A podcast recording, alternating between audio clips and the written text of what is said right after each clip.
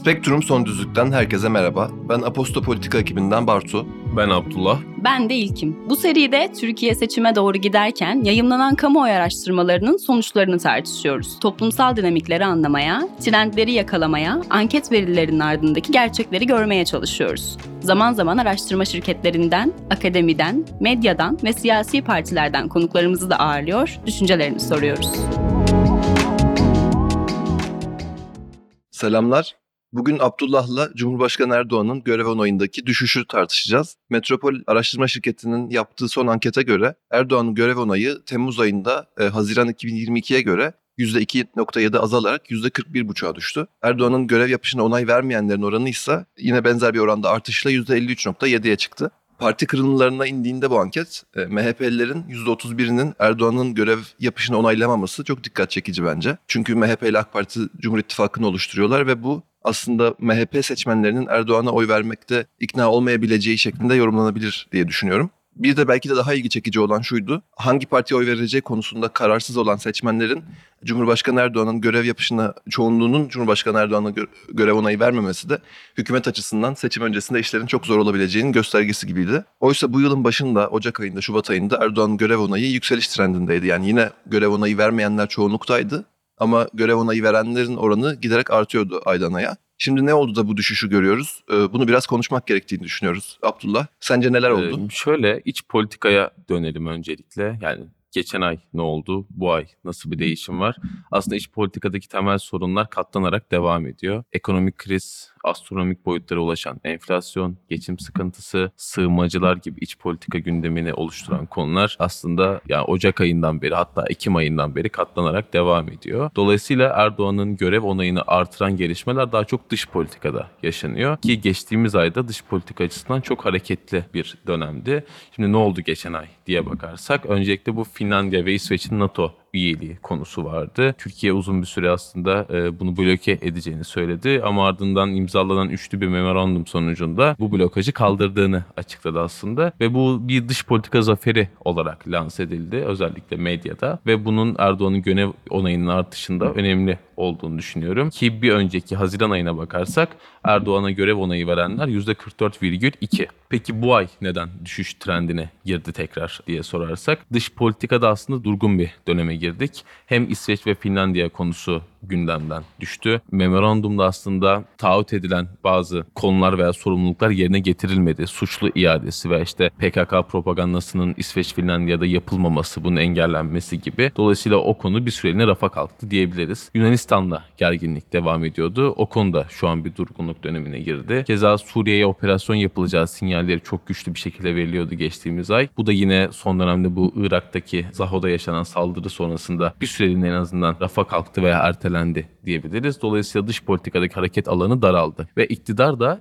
iç politikaya odaklandığı zaman buradaki sorunlarla artık mücadele edebilme veya sorunları çözebilme yeteneğini kaybetti diyebiliriz. Ne ekonomik krizi çözme ne de halkın aslında diğer temel e, sorun olan sığınmacıların geri gönderilmesi ve entegrasyonu gibi konularda hükümet herhangi bir adım atamıyor. Burada şunu da düşünüyorum ben. Hükümetin iç politikadaki tıkanıklığının bir sebebi de belki durum zorlaştıkça, yaşam standardı düştükçe insanların yani muhalefet gündemi be- belirleme becerisini arttırıyor gibi görüyorum.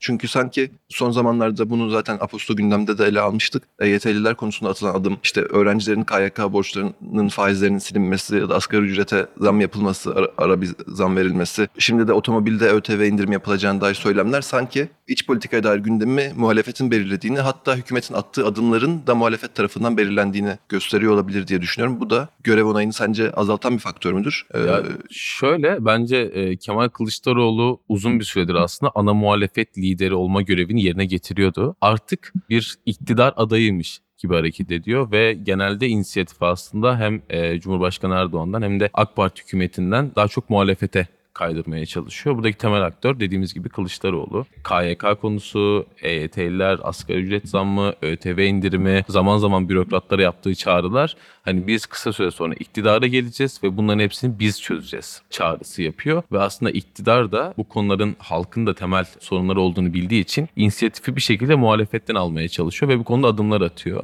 Ama iktidarın attığı her adım aslında muhalefetin iktidarın yönlendirdiği ve siyasi ajandayı belirlediği algısını daha çok yükseltiyor. Dolayısıyla aslında e, muhalefet için bir kazan kazan durumu var burada. Ben de hükümetin seçimden önceki bir dönemde dış politikayı ve belki de geçtiğimiz seçimin öncesinde çok kullanılan o beka söylemi argümanını yeniden gündeme getirebileceğini ve dış politika öncelikli adımlar atabileceğini düşünüyorum. Çünkü şimdi bir başka anket var önümde. Bu para araştırma tarafından yapılmış. Ekonomik durumunu anlatıyor aslında insanların. Bu ankete göre son 6 ayda borçlandığını ve eski birikimlerinden harcadığını söyleyenlerin oranı %57.8 yani neredeyse %60. Gelirim giderimi ancak karşılıyor diyenler %16.6. Ancak ailemden yardım alarak geçinebiliyorum diyenler %14.6. Tasarruf yapabiliyorum, yapabildim son 6 ayda diyenlerin oranı da sadece %6. Yani insanlar gerçekten ceplerindeki paradan yiyorlar. Ve böyle bir ortamda zaten e, yapılan ara zamlar belki Cumhurbaşkanı Erdoğan'ın oy oranını ya da güven onayını kısa bir süreliğine arttırsa da enflasyon karşısında o zam eridiğinde birkaç ay içerisinde yani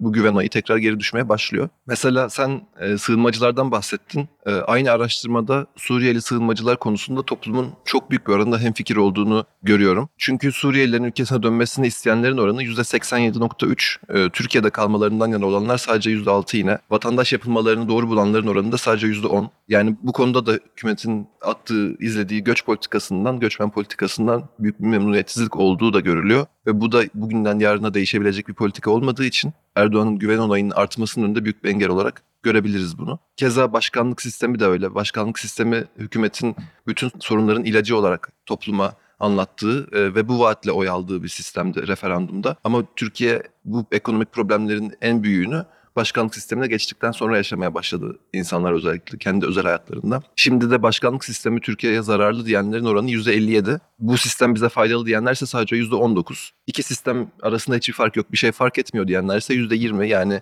aslında muhalefetin ortaklaşa olarak verdiği en büyük vaat güçlendirilmiş parlamenter sistem ve bu vaadin karşılık bulduğunu görüyoruz. İnsanların başkanlık sisteminin zararlı olduğunu düşündüğünü ve muhalefetin önerdiği sisteme daha yakın olduğunu görüyoruz. Bu da muhalefet için çok büyük bir avantaj. Zaten bir de genç seçmen araştırması vardı. Sen biraz da bundan bahset. Bu genç seçmen kime oy veriyor, e, kime oy vermiyor? Bu da çok önemli. Çünkü tüm seçmenin %16'sı yanılmıyorsam neredeyse %20'ye kadar büyük bir oranı genç seçmenden oluşacak 2023 senesinde ve bu milyonlarca insan demek, milyonlarca oy demek. İlginç bir araştırmaydı bu da. Göçmenlerin zaman zaman çalıştığı fabrikalardan merdiven altı e, üretimden daha halkın içine karışması özellikle tatil zamanlarında sosyal medyada çok fazla infiale sebep oluyor aslında. Ve bu dönemde Zafer Partisi'nin de çıkışları ve sosyal medyayı daha etkin kullanması bu konuyu çok fazla gündeme taşıyor ve Erdoğan'ın da özellikle üstüne basa basa sığınmacıların gönderilmeyeceğini açıklaması bence bunu çok kronik bir hale getiriyor. Mesela MHP seçmenlerinin %30'a yakın bir kesiminin de Erdoğan'ı desteklememesinin arkasında ben bunun yattığını düşünüyorum. Çünkü iktidar bu konuda bir adım atmayacağını belirtiyor defaatle.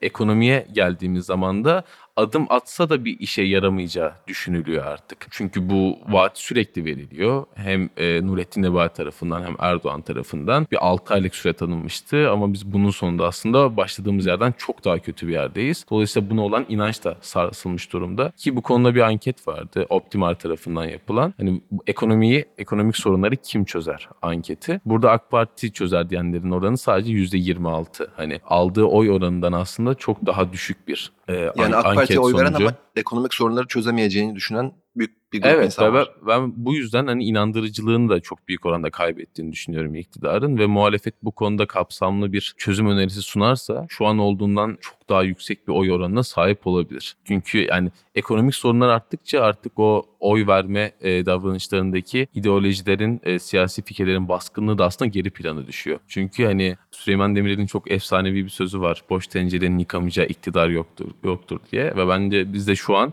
bu noktaya geldik artık diye düşünüyorum.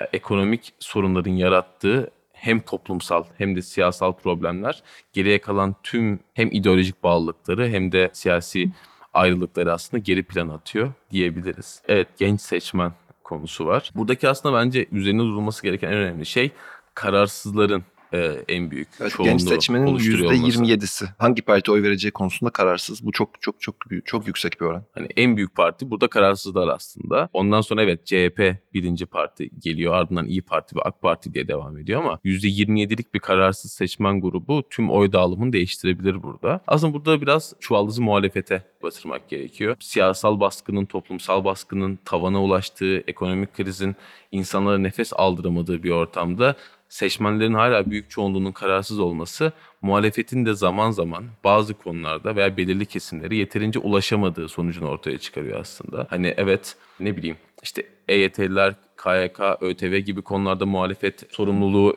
eline alıyor, e, gündemi belirleyebiliyor ama hala bence ekonomik krizden nasıl çıkılacağı veya nasıl bir ekonomik model yaratılacağı konusunda net bir çözüm ortaya koymuş değil. Bu da insanları zaman zaman kararsızlığa itiyor. Ya ben şöyle düşünüyorum. Mesela kararsız seçmenlerin bu kadar çok olmasının genç seçmende ya da e, genel seçmen grubunda çok olmasının bir sebebi de insanların belki iki parti arasında, üç parti arasında kime oy vereceği konusunda kararsız olması olabilir ve insanlar kime oy vermeyeceği konusunda kararlı olabilirler. Yani İyi Parti ile CHP arasında, AK Parti ile MHP arasında, Deva Partisi ile Gelecek Partisi arasında örnekler veriyorum. İkisinden birine veririm ama hangisine vereceğimi sonra bakacağım diye düşünüp anketör geldiğinde de kararsızım bilmiyorum kime oy vereceğimi dediği için insanlar kararsızlar çok büyük gözüküyor olabilir. Yani burada çünkü bir başka anket var. Olası Cumhurbaşkanı adaylarını birbiriyle karşılaştıran ve Cumhurbaşkanı Erdoğan karşısında ikinci turda en yüksek oyu Mansur Yavaş alıyor. Ee, Daha sonra Ekrem İmamoğlu, daha sonra Meral Akşener, daha sonra Kemal Kılıçdaroğlu, Ali Babacan da sorulmuş. Ali Babacan da Tayyip Erdoğan'a az bir farkla geçiyor. Yani bu saydığım 5 ismin tamamı ikinci turda Cumhurbaşkanı Erdoğan'ın karşısında yarışması halinde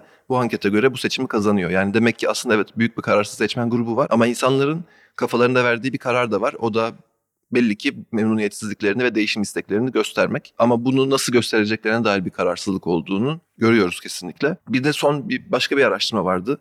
Muhalefetin adayını beğenmezseniz ne yaparsınız diye. Şimdi bu saydığım isimler demek ki beğeniliyor ki aslında Cumhurbaşkanı Erdoğan'ı yenebiliyorlar ikinci turda. Çünkü muhalefetin adayını beğenmezsem Erdoğan'a oy veririm diyen insanların oranı yüzde 42. Ne olursa olsun muhalefetin adayına oy veririm diyenler yüzde 40 sandığa gitmem diyenler yüzde 13. Yani insanlar aslında adayı beğenmezsen ne yaparsın dediğinde büyük oranda sandığa gitmez ya da Erdoğan'a oy verir. Yani orada beğenilmeyen bir adayın toplumun genel tarafından kazanma ihtimali yok gibi gözüküyor. Ama saydığım muhalefet liderleri Erdoğan'ı yeniyor. Demek ki bu insanların beğenilmesinde evet çok daha fazla beğenilebilirler. Evet yaşadığımız şartlarda günümüz Türkiye'sinde belki çok daha büyük başarı kazanmaları beklenebilir. Ama Erdoğan'ın önündeler şu anda. Yani insanlarda bir gelen gideni aratır mı korkusu var. Ama sanki muhalefet bunu yavaş yavaş azaltıyor diye anlıyorum ben bu araştırma sonuçlarından. Sen ne düşünüyorsun? İkinci tur sonuçlarında e, tüm muhalefet adaylarının Erdoğan'ı geçebiliyor olması e, yani muhalefetin çok daha önde olduğu ve seçimi aslında e, büyük bir ihtimalle kazanacağı algısını yaratıyor. Ama muhalefetin hani biz zaten bu seçimi kazandık. Kimi koyarsak kazanır algısı da bence burada çok yanlış. Çünkü hani bu Metropol'ün ikinci anketi muhalefetin adayını beğenmezseniz ne yaparsınız sorusuna verilen yanıtlar hala yanlış bir aday çıkması durumunda Erdoğan'ın seçimi kazanma ihtimali olduğunu gösteriyor. O yüzden hani muhalefetin de aslında Cumhurbaşkanı adayı konusunda iç çekişmeleri bir kenara bırakıp gerçekten bunu yani kazanmaya en yakın aday üzerinde bir uzlaşı sağlaması gerekiyor. Mansur Yavaş ve Ekrem İmamoğlu genelde zaten anketlerde en yüksek e, oya sahip ilk iki isim olarak ön plana çıkıyor. Ama ben burada hani Mansur Yavaş konusunda yeterince siyasete dahil olmadığı için hani Ekrem İmamoğlu İstanbul Büyükşehir Belediyesi dışındaki toplumsal olaylarda da hem sosyal medyada hem geleneksel medyada çok fazla görünen, öne çıkan ve tartışmaların odağında olan bir isim. Bu zaman zaman onu yıpratsa da aslında bir seçmen karşılığı da var. Bu olaylara dahil olması evet yani Cumhurbaşkanı seçilirse bu olayların sorumluluğunu da alabilir algısı yaratıyor.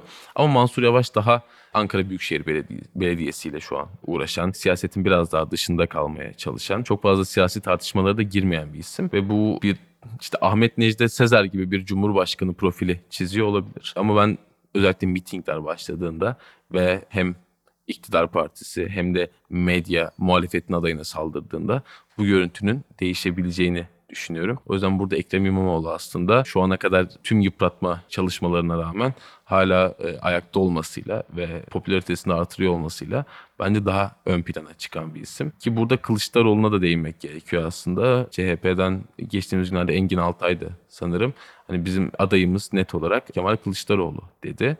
Ki yani yok yüksek ihtimalle CHP Kemal Kılıçdaroğlu'na aday gösterecek. Her ne kadar burada ikinci turda Erdoğan'ı geçiyor olarak görünse de çok az bir oy farkı var. Hani %45 Kemal Kılıçdaroğlu %42 Recep Tayyip Erdoğan ve burada kararsızları da aslında hesaba katmak gerekiyor. Dengeleri değiştirebilecek bir durum. O yüzden artık hani altılı masanın gerçekten kazanmaya en yakın ismi bir an önce açıklaması ve bu aday üzerinden artık bir toplumsal muhalefeti örgütlemesi ve bir araya getirmesi gerekiyor.